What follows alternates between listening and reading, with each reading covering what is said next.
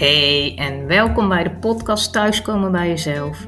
Ik ben Ilona en ik neem je via thema's als identiteit, verlies en geloof mee op mijn innerlijke zoektocht. Voor mij werkt dat het beste buiten, in de natuur. Dus ik nodig je uit om de natuur op te zoeken en je al luisterend te laten inspireren om samen met mij de weg naar je hart te bewandelen en uiteindelijk thuis te komen bij jezelf. Leuk dat je er weer bij bent. Ik uh, ja, mocht pas een één op één coaching uh, afsluiten. Dat blijft, vind ik, altijd een bijzonder moment. Het traject wat ik heb lopen, dat duurt een half jaar. En ja, daarin loop ik dus een half jaar met iemand mee. En in een half jaar gebeurt er echt heel veel. Dat is sowieso al hè, in je eigen leven, maar ook als je dan dus echt heel intensief met iemand aan het werk bent, ja, dan zie je gewoon per keer zie je weer zo'n verandering. En het is zo mooi om het verschil te zien van hoe mensen bij mij starten. Ja, en hoe ze dan eigenlijk in het leven staan als het traject eindigt. Afgelopen keer zei, uh, degene tegen mij van, ik was eerst zo bezig om bevestigd te worden, om gezien te worden. En nu hoeft dat niet meer. Ik ben tevreden met mezelf en met mijn leven.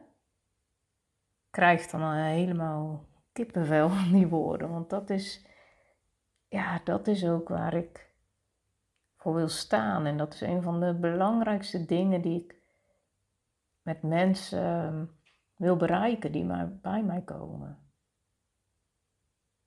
Dat mensen niet van dat jij niet van een ander of van iets anders afhankelijk zijn om gelukkig te zijn, om tevreden te zijn, om, om van waarde, want je bent gewoon van waarde. Om wie je bent. En als mens willen we allemaal gelukkig zijn. En dat is allemaal op onze eigen manier natuurlijk. Want ja, wat voor mij gelukkig zijn betekent, hoeft dat voor jou absoluut niet te zijn. Maar waar het wel overeenkomt, is een stuk ja, tevredenheid. Wanneer is iets goed voor je? Waar streef je naar? Waar verlang je naar? Ja, en dan, wanneer ben je op dat punt dat je zegt: Nu heb ik het, nu ben ik er dat is een lastige, hè? zeker in onze maatschappij, waarin ja, eigenlijk zoveel mogelijk is, of nou ja, in ieder geval zoveel mogelijk lijkt te zijn. Regelmatig heb ik het er met mensen over dat het eigenlijk apart is dat je, nou ja, even heel praktisch wel leert hoe bijvoorbeeld biologisch gezien eh, de cyclus van de vrouw verloopt. Maar dat je niet leert dat het prima is als je eens niet zo goed in je vel zit. Ja, hallo hormonen. Dat je tevreden met jezelf mag zijn. Ja, ook als een ander een groter huis heeft of meer vrienden lijkt te hebben. Of meer geld verdient. Of dat jij denkt dat diegene meer geld verdient. want we zijn ook heel goed in invullen. Maar goed, weet je, uiteindelijk een perfect leven bestaat niet. Of dan kom je weer bij dat stukje, hè, net met geluk. Ja, wat is perfect? En weet je, ja, geluk, geluk zit niet in prestaties of bezit of met alles wat je doet, maar het zit in jezelf. Maar hoe kan geluk nou in jezelf zitten? En daar wil ik deze aflevering met je over nadenken. Maar ja, zoals ik er eigenlijk nu over denk en wat ik ook denk te gaan vertellen, ja, ga ik het waarschijnlijk nog wel opdelen in meerdere afleveringen. Goed, even kijken hoe het loopt en ehm, we beginnen gewoon. Want ik wil ook niet dat het ehm, te veel wordt en ik wil je eigenlijk ook iets praktisch nog meegeven. Dus ja, het moet wel een beetje overzichtelijk blijven natuurlijk. Ik zal gewoon bij het begin beginnen. Want dat geluk in jezelf, dat begint met vertrouwen. Je ziet het al in de manier van, ja, eigenlijk hoe anders mensen met, met, nou ja, met tegenslagen bijvoorbeeld omgaan. De een loopt er ja, eigenlijk het liefst voor weg. misschien herken je jezelf daar ook in.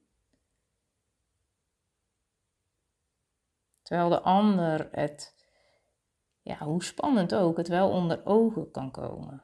En hier is vertrouwen voor nodig. Maar ja, hoe kom je daaraan? Dat begint al in je eerste jaren. Want ja, daar ontstaan je eerste relaties. Ik heb in eerdere afleveringen natuurlijk ook al benoemd dat, ja, ook al, zeker als, eh, als kind en eigenlijk gewoon altijd, maar het is belangrijk dat je zorg en liefde ontvangt waardoor je vertrouwen op gaat bouwen. Vertrouwen in, in je omgeving, in de mensen om je heen, vertrouwen in jezelf. Dit heb je nodig om als, als dat kleine mensje jouw wereldje te verkennen. Binnen de ja, eigenlijk veilige grenzen die je van volwassenen opgelegd krijgt. En binnen deze veilige grenzen leer je om je eigen wil te ontwikkelen, maar ook om met regels om te gaan. En dit heb je weer nodig om, om later om samen te werken, maar ja, ook om conflicten met anderen aan te durven gaan. Zonder aan jezelf en aan de ander voorbij te gaan. Als puber heb je bijvoorbeeld niet alleen vertrouwen in jezelf nodig, maar zeker ook van de omgeving om je, om je af te zetten. Want dat begint. je gaat je afzetten tegen je ouders of tegen mensen die boven je staan. Maar dat doe je binnen veilige grenzen. Zodat je je identiteit kunt ontdekken. En dat gaat met vallen en opstaan. Maar door het vertrouwen dat je hebt opgebouwd in jezelf en anderen, weet je dat je goed bent zoals je bent. Ook al ga je soms keihard onderuit. Of stel je een ander teleur met, met beslissingen die je maakt. Je bent van binnen in balans, waardoor je ja, eigenlijk onafhankelijk bent van het geluk buiten jezelf, van goedkeuring van anderen bijvoorbeeld. Je durft te vallen, of je kunt vallen. Nee, ik moet het anders zeggen. Je kunt vallen, maar je durft het ook, omdat je weet dat je ook weer op kunt staan. Maar als het vertrouwen ontbreekt om, om de wereld te ontdekken, om überhaupt te vallen, dan, dan durf je je eigen plek niet in te nemen. En dan is het risico groot dat je aan jezelf voorbij gaat of aan de behoeften van anderen. Je kunt niet aan eigen verwachtingen voldoen.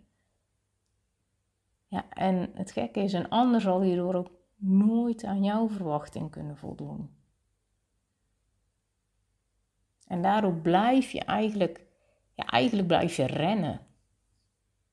En gelukkig kun je leren wandelen. En wandelen hoe toepasselijk. Wandelen naar jezelf of om uit te komen bij jezelf. Bij wie jij bent en wie jij mag zijn. En dan hoef je jezelf niet kwijt te raken in relatie met anderen. Dan kun je gelukkig zijn zonder dat alles altijd onder controle is. Dan kun je zelfs gelukkig, ja, of geluk voelen of tevredenheid voelen momenten dat ja, lang niet alles goed gaat. Ik heb zelf ook echt, echt moeten leren wandelen.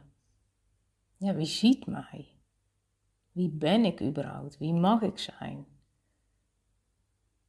Allemaal van die vragen waar ik zo mee, mee worstelde. En pas eigenlijk de laatste jaren is dit voor mij steeds duidelijker geworden. En heb ik ook geleerd dat het iets is dat altijd maar weer in, in beweging is. Dit komt ook door de levensfases, maar ook de levensgebeurtenissen waar ik doorheen ga, waar, ja, die we allemaal doormaken. Als ik naar mezelf kijk, mijn, uh, mijn ouders zijn bijvoorbeeld gescheiden. Ik was toen, uh, ja, had ik zijn geweest, 11, 12. Maar daarvoor zat ik al niet goed in mijn vel. Toen worstelde ik al met die vragen. Ik wilde het liefst niet gezien worden, omdat ik het zelf allemaal niet wist. Maar tegelijkertijd wilde ik heel diep van binnen juist heel graag gezien worden. Maar dan ook echt gezien. Gezien vanuit wat ik ja, nodig had of gezien ja, ook om wie ik ben. Maar ik, ik worstelde. Ik worstelde met mijn kleur, met mijn lichaam, met allerlei donkere gedachten. En mijn zelfbeeld was ontzettend negatief. Terwijl ik had er geen directe aanleiding toe. Hè? Ik werd niet gepest of zo. Sterker nog, als ook maar iemand mij probeerde te kleineren, of iemand die dichtbij mij stond, of ik dacht alleen nog maar dat iemand uh, mij zou kunnen gaan kwetsen, dan, ja, dan kwamen mijn stekels op. Allemaal zelfbescherming natuurlijk. En dat gaat natuurlijk ook dieper dan die vragen.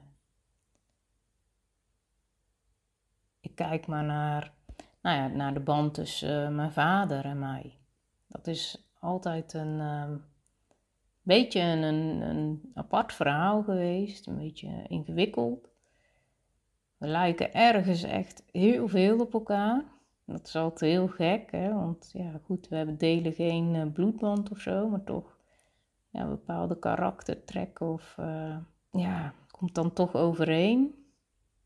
Maar we zijn ook echt totaal verschillend. We staan heel anders in het leven. En vroeger was ik een echt, uh, echt papa's kindje. Maar ja, naarmate ik ouder werd en nou ja, ook een, een, mening ging vormen natuurlijk, werd het, werd het steeds lastiger. En aangezien we beide best wat opvliegend en nou ja, ook wel eigenwijs en echte binnenvetters zijn, kwam er ook steeds meer verwijdering. En dit was al voor de scheiding. Na de scheiding is het eigenlijk telkens op en neer geweest wat contact betreft.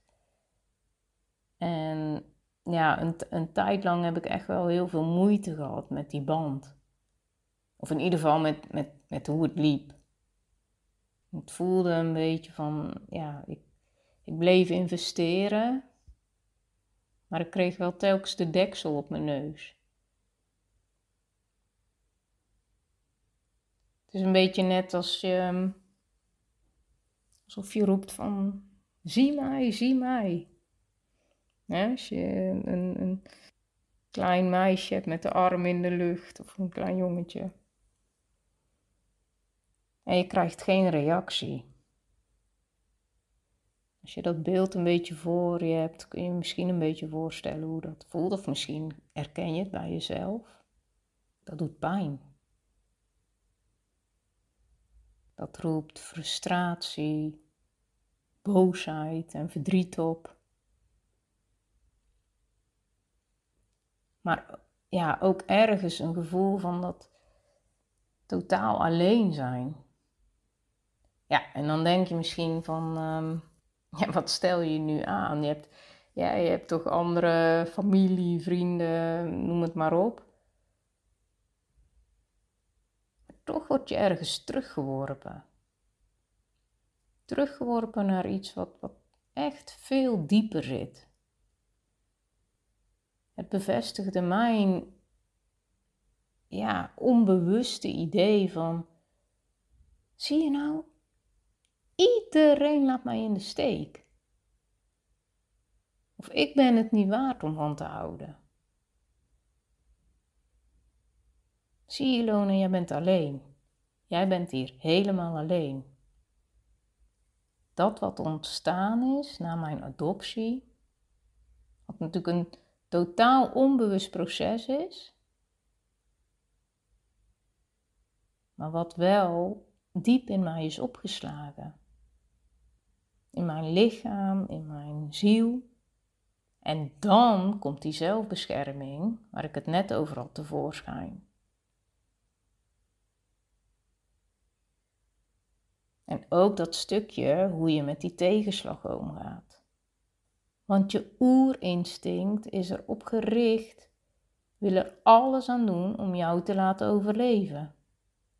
En stress wordt door ons brein, dus dat oerinstinct, als groot gevaar gezien.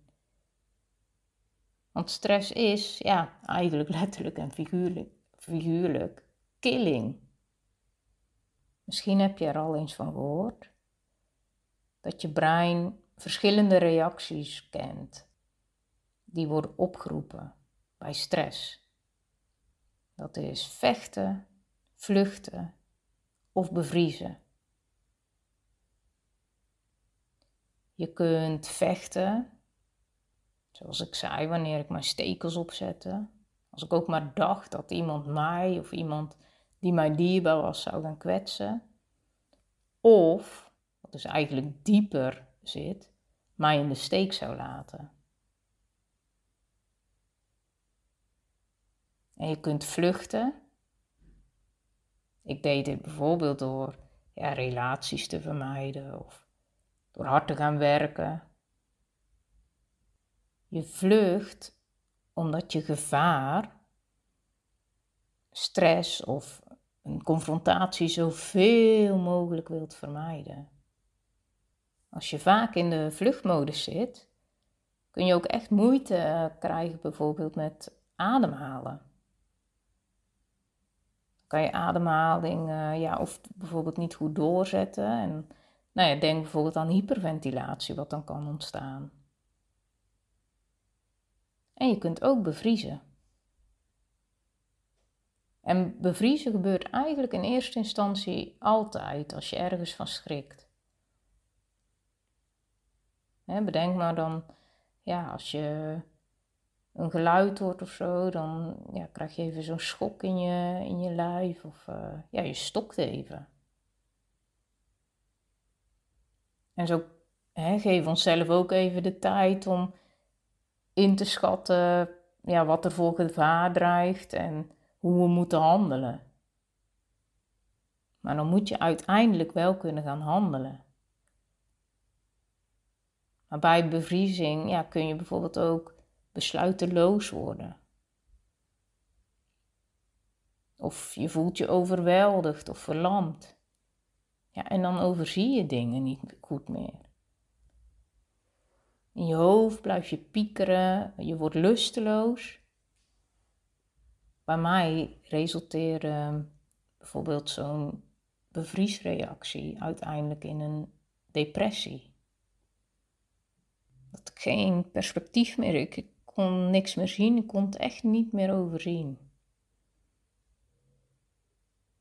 En weet je, het zijn allemaal natuurlijke reacties. En zoals ik al vaker heb benoemd, ze zijn er om je te laten overleven. Dus ergens is het ook heel mooi natuurlijk. Maar het kan ook tegen je gaan werken. Want komt een moment dat dat gevaar wijkt. En dan hoef je niet meer in die modus te zitten. Alleen dan is het hè, de kunst om daaruit te stappen.